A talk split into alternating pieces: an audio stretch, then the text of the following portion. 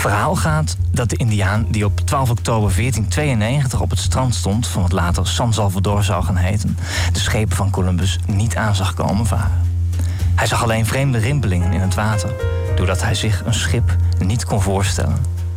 Mensen zijn zo sterk geconditioneerd dat ze alleen dingen kunnen zien die ze kennen en mogelijk achten. Zo luidt de moraal van het verhaal. We weten niet of het waar is. We weten wel dat het met de Indiaan slecht is afgelopen.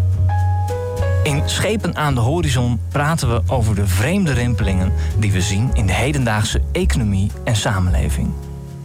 Van lerarentekort urgentie tot privacy-innovatie en van sustainable harmony tot de moleculaire Nobelmotoren. Van alles passeert de revue. Steeds vragen we ons af: wat zien we hier eigenlijk? En vooral, wat zien we niet, maar komt wel recht op ons af? Goedenavond en welkom bij Schepen aan de Horizon. Dit is aflevering 49. We stevenen af op een groot lustrum. Het is donderdag 30 november 2017. Ik ben een gast hier. Mijn naam is Maarten Brons. Hier in de studio met mij zitten ook Bob Voorneveld en Marloes Dekker. Goedenavond. Ook verwelkomen wij onze speciale gast van vanavond, Jasper het Hart. Hij is onderwijskundige en projectleider digitale geletterdheid bij het Openbaar Onderwijs Groningen. Goedenavond. Bedankt voor, de komst, voor je komst naar de studio alvast. Heel fijn. Uh, Bob en Marloes praten vanavond met Jasper in drie delen over digitalisering in het onderwijs en de toekomst van lesgeven. Dus eigenlijk over de toekomstige generatie volwassenen. En we beginnen volgens mij bij een inventarisatie van hoe het er nu voor staat. Ik zeg, Bob Marloes, take it away. Uh, dankjewel Maarten. Uh, Jasper, welkom. Ehm, je noemt jezelf onderwijskundige. Maar wat betekent dat eigenlijk? Nou, dat is een goede, mooie openingsvraag. Um, onderwijskundige. Ik heb onderwijskunde gestudeerd. Dus uh, dan ben je uh, afgestudeerd onderwijskundige. En ik heb uh, hier aan de rug in Groningen onderwijskunde gestudeerd in de afstudeerrichting onderwijs en beleid. En um, dan, ben je beleids, dan kan je beleidsmedewerker worden bij een onderwijsstichting. en dan weet ik nog steeds niet wat je nou dagelijks doet. Uh, wij adviseren over uh, de kwaliteit van het onderwijs, hoe je onderwijs vormgeeft, uh, inspectiebezoeken voorbereiden, um, directeuren, rectoren adviseren over um, hoe onderwijs anders kan of hoe onderwijs verbeterd kan worden. Oké, okay. en ben je daar, is dat een rechtstreeks traject geweest van student naar onderwijskundige? Nee, um, ik heb eerst zelf de PABO gedaan. En heb negen jaar met heel veel plezier lesgegeven in het primair onderwijs. In alle groepen, van groep 1 tot en met 8. Uh, in de tussentijd heb ik eerst pedagogiek gestudeerd en daarna onderwijskunde. Uh, na mijn loopbaan als leraar basisonderwijs ben ik bij REN 4 terechtgekomen, ambulante begeleiding. Dat moet je misschien even uitleggen, REN 4. REN 4. wij gaven hulp aan leerlingen met een stoornis, die gewoon in de reguliere basisonderwijs zaten. En wij gingen samen met teams kijken wat passende didactische en pedagogische oplossingen waren om die kinderen hun leerproces ook vorm te kunnen geven. De leerlingen met een rugzakje. De leerlingen met een rugzakje. Um, nou ja, die rugzakjes zijn afgegaan met het passend onderwijs. Dus mijn baan kwam ook te vervallen. In de tussentijd ben ik bij de Hogeschool Utrecht aan de slag gegaan als uh, docent, hogeschooldocent in de route leren bij de Master SEN. Special Educational Need.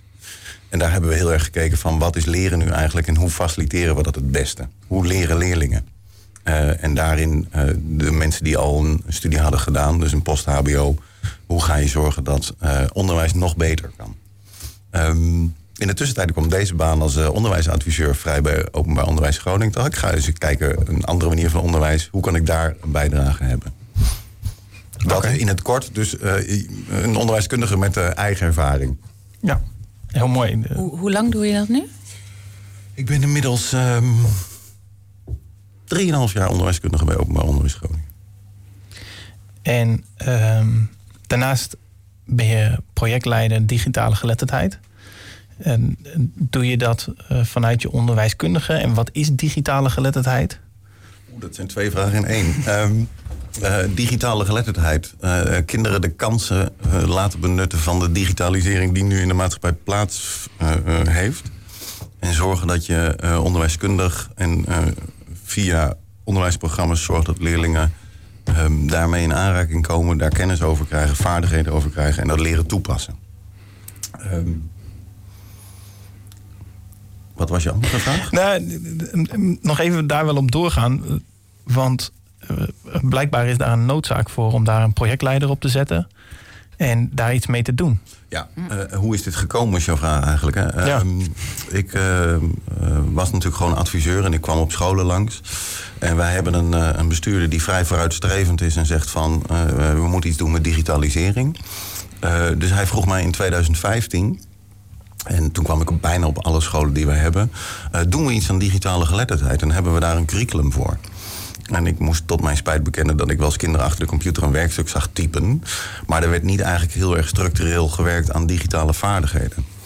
Dus toen vroeg hij: um, zou je er zin in hebben om een leerlijn te schrijven van groep 1? Leerlingen dus uh, die vier jaar zijn tot en met einde VO. En dan het liefst op vier deelgebieden van de digitale geletterdheid zoals we ze nu zien nou ja, als onderwijskundige natuurlijk een prachtige kans om uh, uh, de mogelijkheden van de digitalisering uh, in het onderwijs in te bedden. Dus toen zijn we gaan schrijven aan een leerlijn van groep 1 tot en met VO6. In samenwerking met de Stichting Leerplanontwikkeling, onze leerplanontwikkelaar in Nederland. En zodoende hebben wij een, een, een, vrij lange leerlijn uitgeschreven voor leerlingen in het basisonderwijs en het voortgezet onderwijs die op elkaar aansluit. En um, uh, zijn we gewoon gaan experimenteren. Wat kunnen kinderen al, wat kunnen ze niet? Want we zagen wel heel erg de noodzaak. Uh, uh, leerlingen lijken heel digitaal geletterd. En zijn met mobiele telefoons en single sign-on hartstikke goed. Maar ze weten niet zo heel veel van digitalisering aan zich. En ook de gevaren van mediawijsheid en de kansen die het biedt. Daar hebben leerlingen eigenlijk nog geen kaas van gegeten. Dus zodoende zijn we begonnen en hebben we ehm, vanaf 2016 zijn we te experimenteren met een leerlijn en dat in te bedden in het onderwijs. Voor mij ga je nu even heel snel. Um, want de vraag vind ik wel interessant. Dat, dat je zegt, ja, er komt een uh, bestuurder naar me toe en die zegt: uh, wat doen we uh, eigenlijk al aan digitale geletterdheid? Maar de vraag is: waarom stelt hij überhaupt die vraag? Um, nou ja, kijk, wij zien, wij zien natuurlijk allemaal dat in de maatschappij de digitalisering um, plaatsvindt. En dat er mogelijkheden zijn om met elkaar digitaal kennis te maken. Of digitaal kennis uit te wisselen. Of via devices. Of ergens anders colleges te volgen. Uh, dus de noodzaak om mee te gaan in die ontwikkeling. Kinderen daar iets over te leren. En ze de kansen leren benutten. Um, dat deden we niet in het onderwijs. Of althans, dat doen we nog niet in het onderwijs. Deden, maar bedoel je nou echt te zeggen, want die leerlijn is sinds 2016, dat voor die tijd daar geen aandacht voor was vanuit het onderwijs? Um, ik, ik, ik, ik, moet ja daarop antwoorden. Uh, de laatste plannen over digitale geletterdheid dateerden uit 2007. Mm -hmm. We leven nu in 2017. Mm-hmm. Um, dat was de laatste poging van de SLO om een, een, een leerplankader neer te leggen. Wat, wat is de, de SLO? De Stichting is... Leerplanontwikkeling. Oké, okay, ja, ja. ja, veel uh, afkortingen ja, in de wereld van onderwijs. Precies. En, uh, Als jullie de afkortingen vragen. Dan maken we afloop wel even een lijstje eronder. Dan doen we nog eventjes um, onderwijsbingo. Ja. Wat wij hebben gezien is, uh, dus die plannen waren er uit 2007. in de kerndoelen van het basisonderwijs wordt er eigenlijk niks over gezegd. Uh, die kerndoelen dateren ook van uh, voor 2010. Even kerndoelen is wat we als maatschappij met elkaar vinden dat een leerling op een basisschool moet leren. Ja. Oké. Okay. Um, daar stond eigenlijk ook niets over in. En in het voorgezet onderwijs eigenlijk ook niet. Uh, misschien in een paar vakken kwam er iets terug. Dus we hebben daar geen structurele aandacht aan gegeven. Het is toch echt wel, ja, ik, ik weet niet hoe het met jullie zit, maar ik, ik, ik, ik, ik denk echt, hé, ik verwonder me daar enorm over. Dat is nog maar twee jaar geleden dus. Um, en ik, jij, jij, ging daar net ook even heel snel doorheen. Maar ik zou ook denken van ja, maar ja, deze generatie. Uh, dat is een generatie die uh, um, echt gewoon geen uh, tijd meer heeft meegemaakt. Die is allemaal, ze zijn allemaal geboren in de tijd van internet. Um, hebben we die echt inderdaad daarin nog dingen te leren? Nou, jij zei daar net al over van ja, die hebben dus wel echt daarin nog allerlei dingen te leren. Um, maar dus voor 2015, het internet is uh, uh, inmiddels ook, uh, nou, ruim 20 jaar oud. Ja, gemeengoed in ieder geval. En gemeengoed. Dus daar zat een enorm gat in eigenlijk. In uh, hoe er uh, binnen het onderwijs dan omgegaan werd met de hele digitalisering, online ontwikkeling. Ja, ja. daar zit een ontzettend gat. Um, uh, wat je ziet, en dat, dat, was in mijn tijd toen ik nog voor de klas stond, uh, kwam internet net in de klassen. Uh, we lopen sowieso in het onderwijs achter de maatschappelijke ontwikkeling aan. Uh, dat komt door financiële mogelijkheden enzovoort. maar als je nu bijvoorbeeld aan de, werk, aan de leerling vraagt, maak eens een werkstuk, is de eerste Google-hit die ze vinden waar? Mm-hmm. Um, dat blijft gewoon. ze zoeken niet verder. Dus de onderzoekende houding die we van de leerling vergen. Um, is door de digitalisering ook wel een stukje afgenomen. Dus wij moeten ze weer gaan leren hoe je ermee omgaat. En we zien bijvoorbeeld, ik geef even een heel simpel voorbeeld. Er zijn hele klassen die nog steeds geen foto in Word kunnen plakken. Um, als ik naar de Barbel ga en vraag, kunnen de studenten hier uh, uh, automatisch een hoofdstukindeling maken via Word, dan weten heel veel leerlingen niet en studenten niet hoe dat moet. Heel veel docenten overigens uh, nog minder. um, en zie hier het probleem. -hmm. de angst bij de docenten om dit aan te gaan en dit te durven. denken dat leerlingen er beter in zijn, waardoor we in een padstelling zijn geraakt en hier niet mee bezig zijn gegaan. Mm -hmm. wij hebben gezegd van, het is onmogelijk, dit moet. En, en daar stip je wel mooi aan, dit moet. Ehm, we hebben natuurlijk op dit moment uh, te maken met stakende basisschoolleraren. Er kwam uh, vandaag nog weer volgens mij in het nieuws dat we leerlingen vaker moeten laten bewegen op school. Ik heb even een lijstje van dingen die uh, de laatste tijd allemaal opgenoemd zijn. We moeten meer met muziek gaan doen. In ieder geval hier in de stad. We moeten meer bewegen. Er moet gezonder geleefd worden. Uh, dat moeten we ook op school gaan doen. We moeten socialer met elkaar omgaan. En dan komt dit er ook nog bij. Ik begin zo langzamerhand wel een beetje te begrijpen waarom die docenten zo aan het, uh, aan het staken zijn. Want er wordt maar gestapeld. Um. Ja, goede vraag. Ik ben het met je eens. Uh, wordt gestapeld. Wat wij bij digitale geletterdheid heel erg proberen. Uh, het moet geen doel zijn om digitaal geletterd te worden. Het moet een middel zijn om je onderwijs te verbeteren. Dus wij zijn heel erg aan het kijken van welke basisvaardigheden bij digitale geletterdheid moeten we ze aanleren. Zodat ze ze daadwerkelijk kunnen gaan toepassen. Um, dat moet dus niet zo zijn dat het erbij komt. Het moet niet een nieuw vak worden. Het moet geïntegreerd worden in het onderwijs. En wij moeten mee met de tijd welke systemen er allemaal zijn. En daar leerlingen wegwijs in maken. Um, dus als je zegt het, uh, digitale geletterdheid is een stapeling.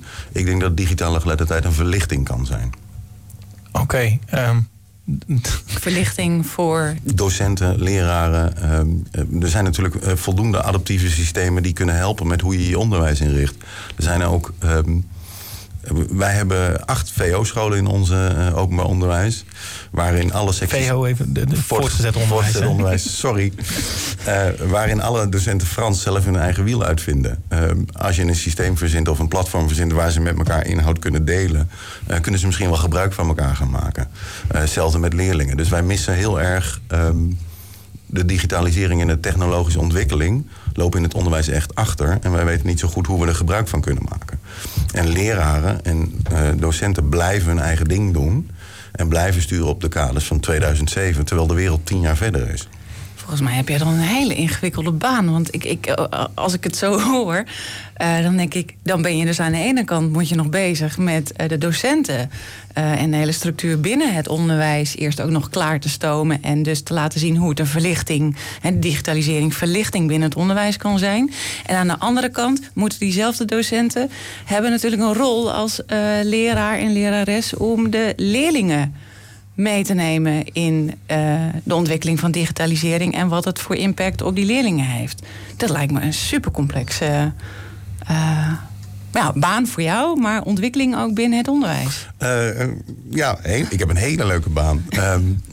volgens mij stip je de goede dingen inderdaad. De, de docenten moeten geprofessionaliseerd. wij zeggen we moeten het eigenlijk andersom doen. Uh, ons strategisch beleidsplan zegt ook... we moeten het leren van de leerling faciliteren. Dus we kijken heel erg wat voor beoogd leerlinggedrag... willen we nu zien bij digitale geletterdheid. En daar gaan we kijken welke professionaliseringsbehoefte is er dan bij de docenten. En wat moeten zij kunnen. Mm -hmm. um, doe ik natuurlijk niet alleen. Uh, ik ben projectleider, dus ik heb uh, de functie dat ik de mensen in beweging krijg. Uh, we hebben nu op alle basisscholen en alle voortgezet onderwijsscholen projectleiders in dienst uh, en deelprojectleiders in dienst die hierin meedenken en groepen mensen aanzetten tot uh, het mag ook anders. We kunnen ook andere dingen gaan doen. En dan zie je dat er een beweging opstart van voorlopers die hier zin in hebben, waardoor je het olievlekprincipe krijgt en mensen denken van hé, hey, wat daar gebeurt is hartstikke leuk, dat wil ik ook. Die deelprojectleiders, zijn dat ook allemaal onderwijskundigen? nee, de meeste van onze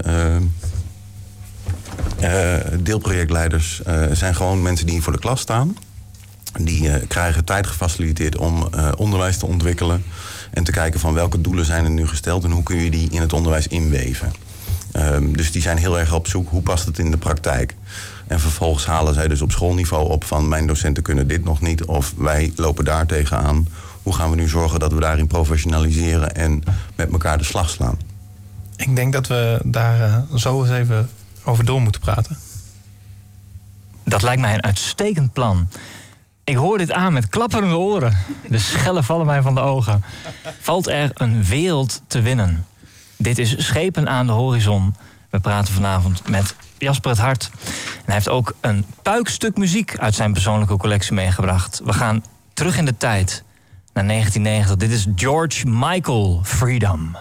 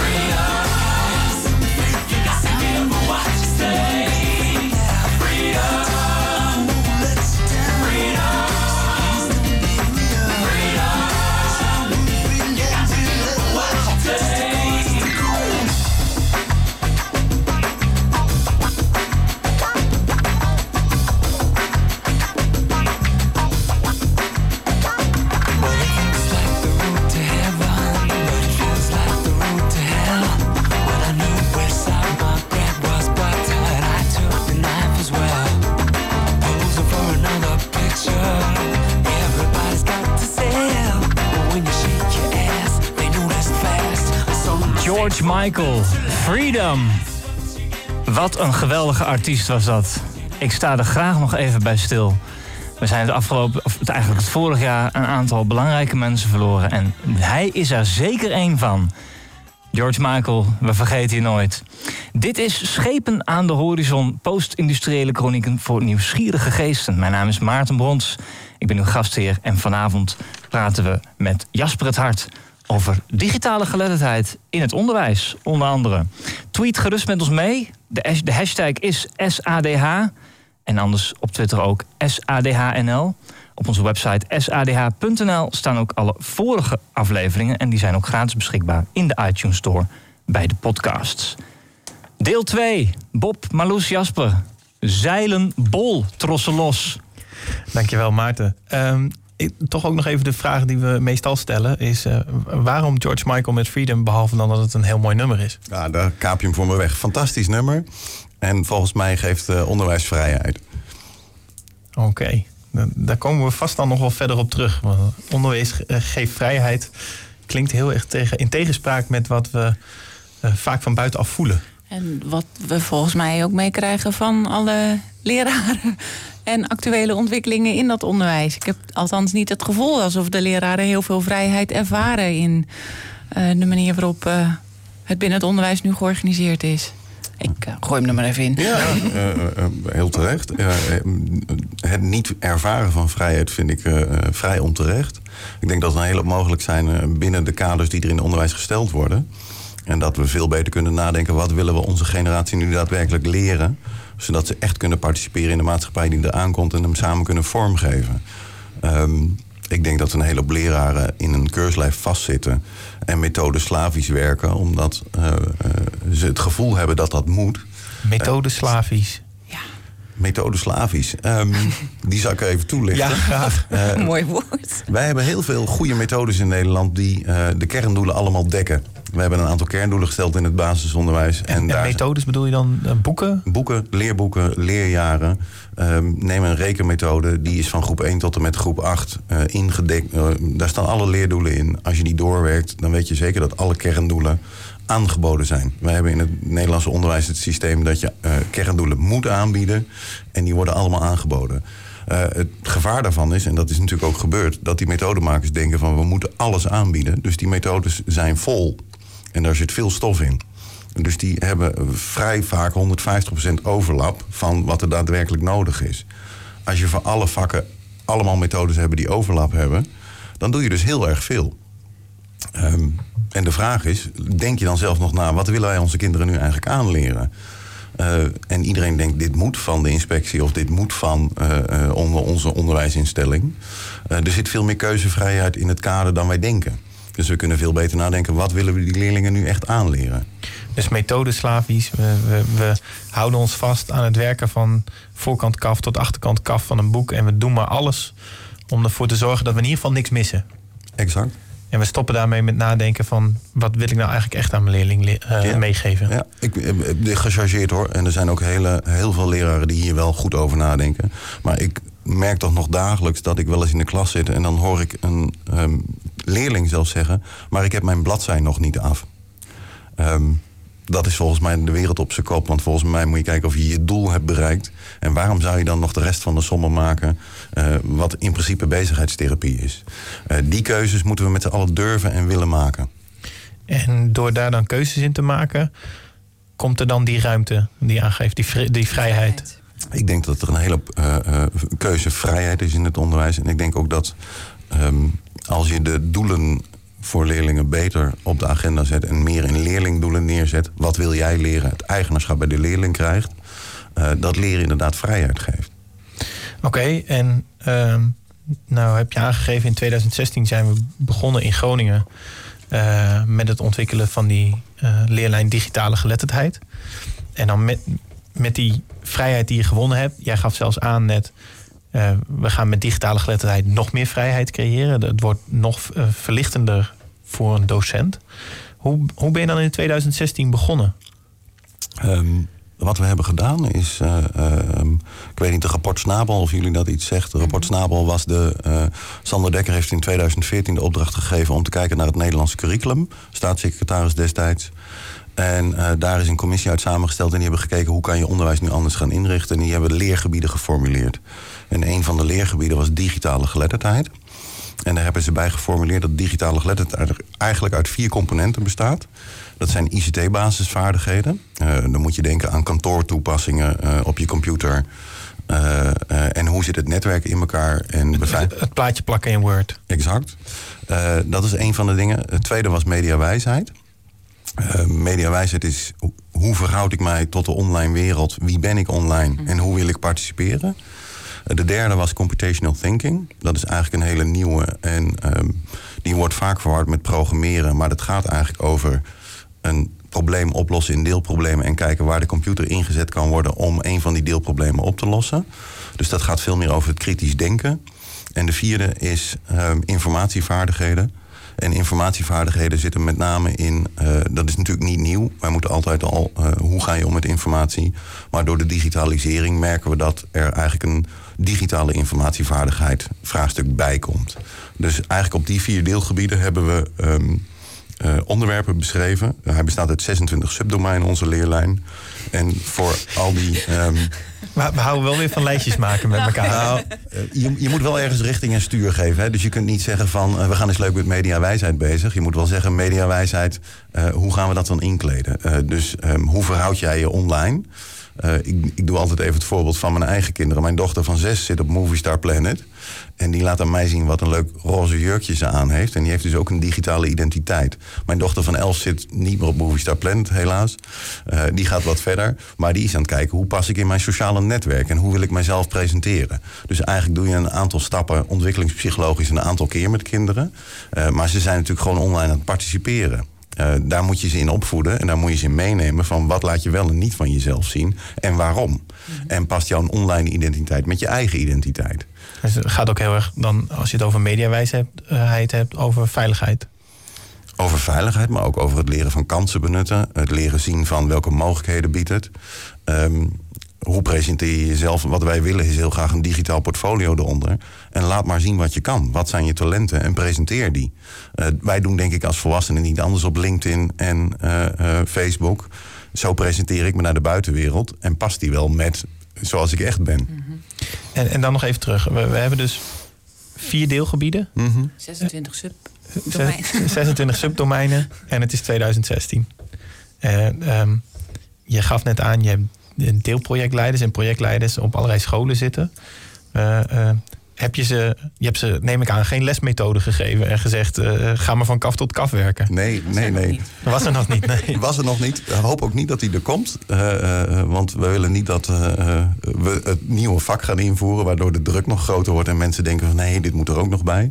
We hebben het juist omgedraaid. We hebben gezegd van stel je voor dat dit nu de vier deelgebieden zijn... en we hebben die subdomeinen beschreven... en daar hebben we beoogd leerlinggedrag aan gehangen. Zo van... ehm, eh, wat moet een leerling nou daadwerkelijk kennen, kunnen, toepassen, begrijpen, onthouden, wat dan ook.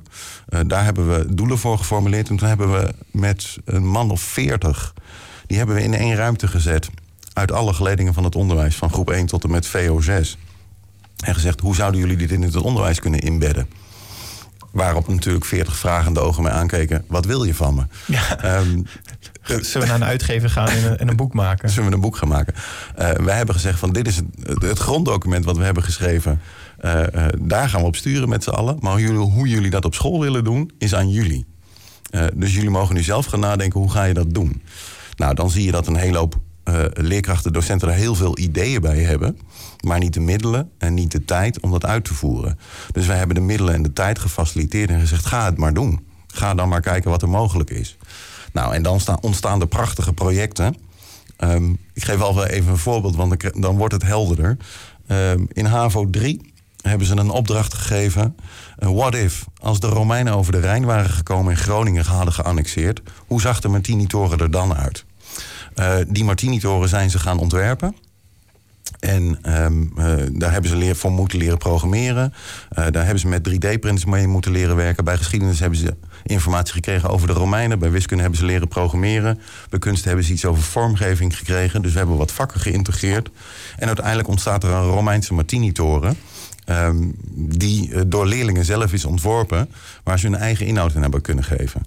Nou, daarnaast hebben we dan uh, met Lego-poppetjes maken we daar een stop-motion filmpje omheen. Daar moeten ze een verhaal vertellen wat over feit en fictie gaat. Delen met een andere klas en die andere klas moet de feit en fictie eruit halen. Dan pak je alle vier deelgebieden van digitale geletterdheid. Leerlingen heel geïnteresseerd, want die mogen van alles, die kunnen van alles. Die krijgen ruimte om filmpjes te maken, om dingen te experimenteren. En vervolgens leren ze ook nog heel veel van de bestaande vakken. Dat is eigenlijk hoe wij digitale geletterdheid zien. En, en uh, waar vinden we dat filmpje? Uh, dat filmpje is. Uh, is dat dan ook in, online weer gedeeld? Helaas, om privacyredenen blijft dat dus binnen onze organisatie. Dat moet je even uitleggen. Uh, je mag leerlinggegevens niet zomaar delen in Nederland. Uh, dus wij kunnen niet uh, naar buiten toe presenteren wat wij intern doen. Anders, daar staan namelijk leerlingen ook op gefilmd. Ja. En dan zou je voor elke leerling een quitclaim moeten maken omdat je ze anders in beeld krijgt. En als ouders of leerlingen dat niet willen, zul je dus voor elke leerling dat apart moeten gaan doen. Dat is onbegonnen werk. Echt waar? Echt waar. Maar ja, ik, ik, zou toch denken, voor zo'n project, maar ja, ik was er natuurlijk niet bij. Dan denk ik, uh, dan vraag je even aan alle leerlingen en hun ouders toestemming. En dan kun je het publiceren. Volgens mij is daarmee de impact voor, en, uh, voor de jongeren. Uh, helemaal, helemaal, begrijpelijk. Voor dit stuk hebben we het niet gedaan. We hebben wel een aantal filmpjes gemaakt voor digitale geletterdheid. om te laten zien wat er daadwerkelijk gebeurt op schoolniveau. we merken elke keer dat het een hele grote uh, impact heeft om de bijzaken allemaal te regelen. Ja, en, en um, dan, het klinkt als een soort uh, awesome project waarvan ik zeg, oh, zou ik ook als ik weer een leerling was en ja. misschien stiekem zelfs nu wel, zou ik eraan mee willen doen.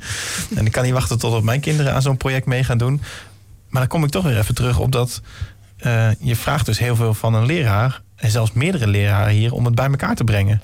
En uh, die leraar die, hè, die moet dus af ondertussen van uh, uh, het gebonden zijn aan een lesmethode en ook nog iets nieuws gaan doen. En dat allemaal in één keer. En dan kan ik me voorstellen dat je met dit fantastische verhaal overal hartstikke mooi scoort. En uh, doet het bij mij direct ook al goed.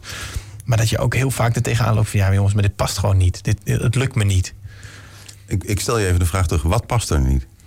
Met, met andere uh, projecten, dat iemand zegt: Ja, ik heb een fantastisch idee, maar dat loopt gigantisch uit de hand. Uh, er komen veel te veel uren in. lesstof die ook nog gehaald moet worden, komt opeens niet meer aan bod. Ik, ik snap al je argumenten en ik ben het ook helemaal met je eens. tuurlijk gaan er een aantal dingen vallen, maar we moeten keuzes maken in het onderwijs. We gaan 25 uur in de week naar school. Um, ik denk als je een leerling het eigenaarschap geeft van hoe zag de Romanische Martini-toren eruit, dat ze dieper in de geschiedenis duiken dan als ze drie opdrachten moeten maken van de docent. Ja, volgens mij snap, snappen, wij dat, snappen wij dat wel. Maar de vraag is meer inderdaad, kom je dat tegen? Kom je dat tegen dat docenten dan tegen jou zeggen um, voor zo'n project leuk en aardig, maar ik moet al zoveel? Ik weet niet hoe ik dit voor elkaar moet krijgen om ook dit nog uh, erbij te doen. Of zeggen, pff, daar moet ik misschien wat hulp bij uh, gebruiken. Want ik weet eigenlijk niet zo goed of ik zelf al wel over die vaardigheden beschik. Uh, uh, hele terechte vragen allemaal. Wat we hebben gezegd in 2016 toen we begonnen.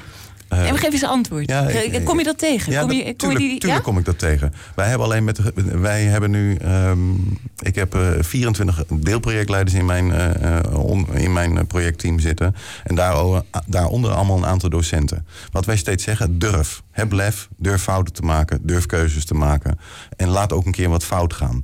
Want um, het is niet zo erg als je toevallig drie geschiedenislessen niet goed hebt gedaan en gemist hebt. Uh, daar vergaat de wereld niet van. Dus wij dagen docenten uit om na te denken van wat willen kinderen nu echt leren. En ga dat ook maar doen. En wij faciliteren in tijd. En vervolgens vragen we aan rectoren en directeuren en leidinggevenden... zorgen dat je dat faciliteert. En wat zie jij dan? Wat is voor docenten de grootste uitdaging? Wat, wat krijg je terug? Wat vinden zij de grootste uitdaging? Nou, tijd, tijd blijft een groot ding. Mm -hmm. uh, hoe ga je dit ontwerpen? En hoe ga je zulke uh, grotere opdrachten ontwerpen? Mm -hmm. um, wat we zien in het PO, en dan, dat klinkt misschien heel raar, ik zie niet zo heel erg veel problemen. Basisonderwijs. is dat? Basisonderwijs. Ja. Eh, eh, eh, dit vinden docenten hartstikke leuk om te doen. Na te denken over onderwijs. Ik kreeg zelfs van een leraar een week of drie geleden. Ik heb mijn vak weer terug. Ik mag nadenken over onderwijs. Wat ik leerlingen wil leren. En ik krijg er nog de ruimte voor ook. Ehm, tuurlijk, er gaat ook eens een keer wat mis. We hebben gezegd van, dat is niet erg. Geef dat ook terug, dan kunnen we van de fouten leren. Maar in het onderwijs zitten we heel erg op de lijn van... alles moet goed gaan en we moeten kinderen volproppen met kennis. Terwijl we juist nu zeggen, we gaan co-creëren met elkaar. De rol van docent en onderwijzer wordt anders. We gaan processen van leerlingen begeleiden. Ehm, waar we wel tegenaan lopen in het VO... is dat de eh, kennis ten aanzien van digitalisering... En als we het dan hebben over bijvoorbeeld het programmeren en de, de, de moeilijkere vaardigheden bij programmeren, dat we daar weinig vakmensen voor hebben. Dus de professionalisering van onze docenten op dat niveau, eh, die kunnen we niet bieden. Nee. En daar zijn we proberen we met het bedrijfsleven samen om te kijken of de vakkennis die daar zit in de organisatie te halen. En, eh, en eh, kom je weer terug op het programmeren. Ehm 13 oktober eh, is er een e-lab geopend op een van jullie scholen door Prins Constantijn. Lekker veel promotie met z'n allen erom maken, kunnen we het nieuws weer halen. Ehm, maar eh, bij mij bekruipt dan wel eens het gevoel van... oh ja, we zetten weer eh, robots neer, we zetten 3D-printers neer... en we zetten allemaal gadgets neer, iPads, noem het maar op. Eh, maar we hebben nog helemaal geen lesprogramma's eromheen bedacht. En staan die nou niet straks over twee, drie jaar... als het enthousiasme weg is, hè, die eerste beweging die je nu op gang hebt... je hebt al die deelprojectleiders, je hebt er allemaal uren in gestopt... zakt dat niet straks als een plumpudding in elkaar? Had je niet andersom moeten doen? Eerst, materiaal, of eerst eh, lessen bedenken en dan zeggen... oh, dit heb ik erbij nodig. Eh, ja, dat had ook prima gekund. Eh, gelukkig hebben wij een, eh, een innovatieve en eigenwijze bestuurder die zegt: we gaan nu beginnen, want als we tot 2020 wachten, hebben we weer drie jaar verloren. Eh, wat wij hebben gezegd met onze e-labs, waar al die eh, wat grotere materialen staan die je eigenlijk op schoolniveau niet kunt betalen, maar als organisatie wel. eh, ga er gebruik van maken en ga kijken wat daar kan. Wat kan er in zo'n e-lab? Want even ook voor de luisteraar natuurlijk. een e-lab is, mee. is, een, is eigenlijk een makers lab en een educational lab in één.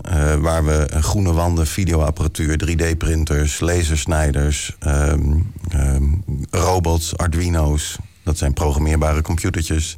eh, ehm, tot en met eh, eh, muziekinstrumenten die digitaal zijn, DJ-sets. Klinkt als een jongensdroom. Hadden we dat vroeger niet willen hebben? En, en sommige meisjes misschien ook, hè? Oh, ja, nou ja, de, uitdrukking is jongensdroom. Sorry. Ja. Het is ook een meisjesdroom, want we zien dat meisjes dit ook ontzettend leuk vinden om te doen. En eh, wat we daaraan doen zijn in die e-labs is enerzijds de leerlingen van het PO enthousiasmeren. Wat is er allemaal mogelijk? Die, Eh. die komen naar zo'n e-lab op zo'n middelbare school komen die toe. Die komen daar kijken. Die worden daar door de eh, leerlingen van het VO rondgeleid. En die worden daar eh, meegenomen in wat kan er allemaal. Je moet denken aan een Lego Mindstorm tafel... waar een battle wordt georganiseerd door leerlingen uit het VO... waar leerlingen uit het basisonderwijs dan de battle kunnen doen. Die worden begeleid. Dus ook de samenwerking tussen leerlingen ehm, van verschillende niveaus is erg belangrijk. Ehm, en in de e-labs wat we ook aan het doen zijn... is met name, eh, en we noemen het klooiavonden... eh, eh, docenten en mensen uit het bedrijfsleven bij elkaar brengen... en kijken wat er mogelijk is en of we daar onderwijsopdrachten aan kunnen verbinden. Ik kan me heel goed voorstellen dat als je nou een van die kids over pak een beet 20 jaar weer spreekt en je vraagt van hey, weet je nog, ja, dat heeft mijn leven veranderd. Ik hoop, Tenminste, ik, ik, ik kan mezelf dat soort momenten wel herinneren. Dat zag er niet precies zo uit. Ik, ik, hoop, Ja. ik hoop dat het de mogelijkheid geeft eh, eh, om andere talenten bij mensen te ontwikkelen. Maarten, jij begon net al even over, goh, over 20 jaar. Dan komt er een oud leerling naar je toe en die zegt dan: Oh, ik weet nog toen in dat e-lab, wat fantastisch. Ehm, stel nou, we zijn over 20 jaar. Ehm, wat, hoe, zie- hoe ziet dan ons onderwijs eruit? Hebben we dan radicaal dingen veranderd? Zijn we volledig gedigitaliseerd? En wat betekent dat dan? Hoe lang hebben we? Eh, eh, onderwijs over 20 jaar, dat is natuurlijk eh, prachtig om over na te denken. Ehm, wat we nu zien in eh, 2017, dat er geen stelselwijziging gaat plaatsvinden in het onderwijs. Dus het onderwijssysteem zoals het is, zal blijven bestaan. We gaan wel sturen op curriculum.nu. dus de curriculumverandering die Sander Dekker heeft ingezet. Dus we gaan naar leergebieden toe. Ehm, dus we gaan anders ons onderwijs proberen in te richten. Ik hoop dat we over 20 jaar zover zijn dat we. ehm, onderwijs uh, aan leerlingen gepersonaliseerd hebben. Dat leerlingen eigen leertrajecten kunnen maken. En uh, met een basiscurriculum eronder. Dit heb je nodig om in onze samenleving te participeren. Wat het dan ook tegen die tijd mag zijn. Maar wat mag het dan tegen die tijd zijn, denk je? Doe eens, het is 2038. Um, wat, wat, mag het voor jou, wat, wat is het voor jou? Het basiscurriculum blijft op, op uh, uh, schrijven, lezen en begrijpend lezen zitten. Daarnaast moet een mens zijn eigen passie en zijn eigen talent kunnen ontwikkelen om een plek in de samenleving te krijgen en daar gelukkig te worden. Uh, dus, je kleedt hem eigenlijk helemaal uit. In plaats van dat we hem helemaal, zoals hij nu, tot uit zijn jasje. We moeten rekenonderwijs en we moeten dit en we moeten Engels. Jij zegt nee, we gaan helemaal terug naar het begin. Als je maar kan lezen en schrijven, bij wijze van spreken, dan kun je de rest wel. En Engels, denk ik, uh, zal ook een, kernvak moeten zijn. Want je moet ergens uh, een standaardtaal gaan formuleren met elkaar om met elkaar in, in gesprek te kunnen blijven. En ik, ik hoop daarnaast dat je veel modulairdere onderwijssystemen krijgt. Dat je kan kiezen: dit wil ik leren, hier ben ik goed in. dat ga ik halen in Shanghai via de Skype, want daar zit de beste professor, wat mij betreft. En dat zet ik in mijn portfolio om te laten zien: dit kan ik. Dus ik hoop ook dat, uh, en dat is een toekomstdroom van mezelf, ik hoop dat diploma's uh, veel meer badges worden van dit kan ik. Uh, dit wil ik laten zien aan de samenleving en dit presenteer ik naar buiten, want dit ben ik en dit kan ik goed. Maar dan ga je wel heel erg uit van een leerling die heel goed weet wat hij wil. Daarom zijn onderwijzers en leerkrachten ook zo hard nodig nog. Um, en daarom ben ik ook niet zo bang dat die verdwijnen met de digitalisering. Ik denk dat je dat proces voor deze mensen moet begeleiden. En dat je ze daarin mee moet nemen. Degene die het zelf kan, moet je eigenaarschap geven, een eigen stuur. Degene die daar hulp bij nodig heeft, zul je moeten begeleiden in van welke keuzes wil je maken. En welke keuzes zijn er überhaupt. Dus met name dat stuk. Plus het stuk pedagogiek, hoe ga ik hiermee om? En hoe um, de buffer tussen de digitalisering en de informatiestroom die op de leerling, leerling afkomt. En de leerling. Daar zullen altijd uh, onderwijzers en begeleiders bij moeten blijven. Ik denk alleen het oude idee van onderwijzer, kennisoverdracht. Ik heb meer kennis dan de leerling. Dat gaat hopelijk verdwijnen. En worden wij veel meer begeleider van processen. En houden we dat met z'n allen in kaart. En uh, blijft het dan nog steeds bereikbaar voor alle niveaus? Ja, juist doordat die docent daar nog steeds een, een coachende rol in neemt. Ja, je, je kunt. Um, wat we nu al bijvoorbeeld zien, ik geef even een voorbeeld. Een leerling op het VMBO die een Arduino uh, microcomputertje programmeert zodra de pan van het gas gaat, dat het gas dan ook uitgaat. Uh, dat wordt bedacht door een leerling van het VMBO en niet door een leerling van een gymnasium. Uh, dus we zien daar andere capaciteiten, andere mogelijkheden en competenties bovendrijven bij leerlingen. Uh, die ze niet kunnen laten zien als je dit niet doet. Dus volgens mij moeten we veel meer gaan kijken van wat kan de mens, waar zit zijn passie en hoe gaan we dat faciliteren. 2038 zei ik weet niet of we dat halen. Ik weet niet of ik het mee ga maken. Dat zou wat mij betreft een, een insteek zijn... waardoor mensen intrinsiek gemotiveerd worden voor leren... en je het onderwijssysteem daarop moet aanpassen. Hey, en uh, we hebben het steeds even gehad over de start uh, die er uh, in Groningen gemaakt is. Hoe ziet de, de komende jaar, twee jaar eruit? Waar, waar werken we naartoe? Je, zegt we zijn in het basisonderwijs hebben we wat dingen gedaan. We hebben in middelbaar onderwijs zijn we bezig met die e-labs en dergelijke. what's next? Uh, we hebben in Groningen natuurlijk de DigiDeal getekend op 13 oktober. Uh, wat mij betreft worden er nog langere leerlijnen geschreven. we zijn nu bezig met de PABO's. Om studenten die daar worden opgeleid tot leerkracht basisonderwijs... mee te nemen in wat wij aan het doen zijn... en ze daar al op te voeden van wat is digitalisering. Um, wat wij zelf aan het doen zijn, is dit doorontwikkelen... en kijken wat er past in, in het basisonderwijs... wat betreft digitalisering op dit moment... En uh, kijken hoe we het bedrijfsleven daarbij kunnen krijgen. Um, wat, wat moet het bedrijfsleven daarin doen? Uh, de expertise leveren. Uh, ik geef even een voorbeeld. -hmm. We hadden een aardrijkskundeles in groep 7. Uh, dat ging over de provincie Nederland. Heel standaard onderwerp voor groep 6. Uh, die kinderen zijn tien, dus die leren over Nederland... wat de hoofdsteden zijn, de provincies en de belangrijkste kenmerken. En um, die docent zei van... ik wil dat eigenlijk wel eens een keer in een website, maar ik weet niet hoe. Mm -hmm. we zijn naar een bedrijf in de stad gegaan, Factory... Uh, die hebben een template klaargezet, die weten hoe dat moet. En die leerlingen zijn samen met Factory een, een website gaan ontwikkelen van Nederland. Kinderen aardrijkskunde les erbij van hoe ziet die provincie er nu uit? Uh, wat is de hoofdstad eigenlijk van Friesland? Nou, dat moet Leeuwarden zijn. Wat is de belangrijkste band in Friesland? Is dat Twarres of de Kast? Eh, meneer, hoe Is er daarna niks meer gekomen? Uh, ik heb niet de hele dag gevolgd, maar die vraag hoorde ik toevallig. Dus, die leerlingen, de kast, worden ja. Hadden ze gevonden op uh, internet. Okay. Dus, het was gelijk ook geschiedenislessen. Ja. Dus die leerling vroeg meteen ook van... kan ik ook een YouTube-filmpje op een internetpagina zetten? Dus ze willen dat leren. Mm -hmm. Dus ze leren dan ondertussen van hoe ziet een website er eigenlijk uit? Hé, hey, dat wordt door mensen gemaakt. Dat kan je zelf dus vormgeven. En uiteindelijk is er een website ontstaan voor Nederland... En we zijn nu op zoek naar een Belgische school om te kijken of Belgische kinderen uh, Nederland willen leren door uh, kinderen van groep 6. En dus je, je kijkt al verder dan, uh, dan alleen Groningen, en, maar dan kijk je direct naar België? makkelijk dezelfde taal. Kijk, in groep 6 kan je niet naar Engeland toe, want die taal spreken ze nog niet. Dus we zochten een land wat. snap ik, maar je, je kunt ook kijken naar Friesland, Drenthe. De rest van Nederland? Tuurlijk. Uh, uh, je, je, kunt hem inkleden zoals je wil. Uh, deze leerkracht had toevallig connecties in België. Ja, ja. dus hoe ga je dat... Kijk, eigenlijk zijn we aan het kijken van wat zijn de mogelijkheden. We willen niet als onderwijs met de deuren dicht en de gordijnen dicht onderwijs gaan vormgeven. We willen kijken naar buiten en hoe ziet de maatschappij er nu uit? En wie gaan we erbij betrekken en hoe gaan we dat vormgeven? eigenlijk wil je kinderen uh, equiperen om te zorgen dat ze zich kunnen staan houden in de maatschappij. Mm -hmm. Zoals wij uh, dat nu ook doen. Dus die mogelijkheden moet je ze dan ook geven. Uh, daarnaar op zoek met z'n allen. en daar mensen voor inschakelen.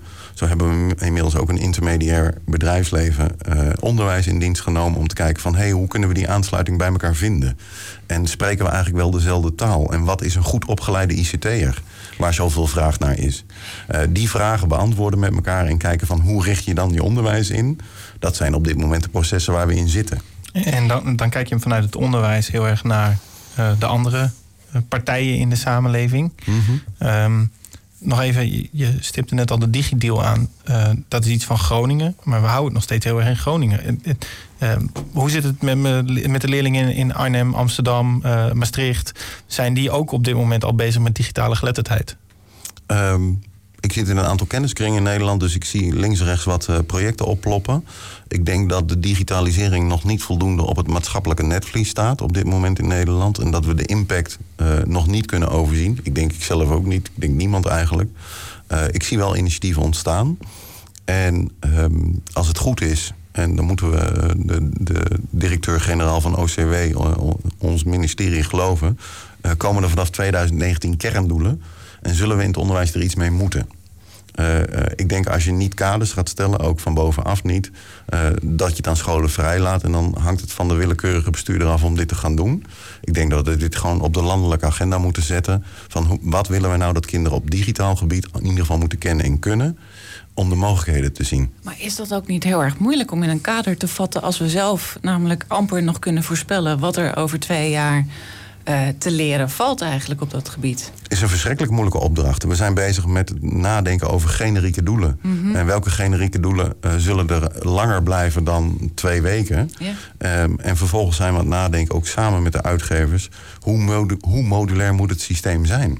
Um, ja. Want je kunt niet zeggen van, uh, waarschijnlijk Word... misschien is het over twee jaar wel een heel ander uh, verwerkingsprogramma... dan moet je ze er nou niet in opvoeden. Nee, maar dat je met elkaar moet communiceren, mm -hmm. uh, dat zal blijven... Dus het delen van informatie, het uitwisselen van informatie en het informatie ophalen. Dus de grotere uh, uh, containerbegrippen. Daar moet je eigenlijk generieke doelen op schrijven. En hoe, wat wil je dan dat leerlingen daarvan kennen en kunnen? En ik ben nog wel even nieuwsgierig naar. Um, en je zegt van uh, wat leerlingen moeten kennen en kunnen. En die, um, wat zeggen leerlingen hier zelf eigenlijk over? um, een prachtige vraag. Ik had een, uh, een interview met een leerling in het eerste jaar van het voortgezet onderwijs. Die mee had gedaan aan de Martini-toren-opdracht. En die vond het eigenlijk wel heel um, gewoon. Die dacht namelijk dat het altijd zo zou zijn. En die vond het helemaal niet zo heel erg speciaal. Die vond het heel leuk dat hij had leren 3D-printen. Mm -hmm. Maar dat kon hij eigenlijk wel. Hij vroeg zich af wanneer hij een digitale rondleiding in de stad Groningen mocht gaan maken. in een virtuele tour die hij zelf ging ontwerpen. Daar zijn onze docenten nog lang niet. Maar zij denken dus verder en zij willen meer.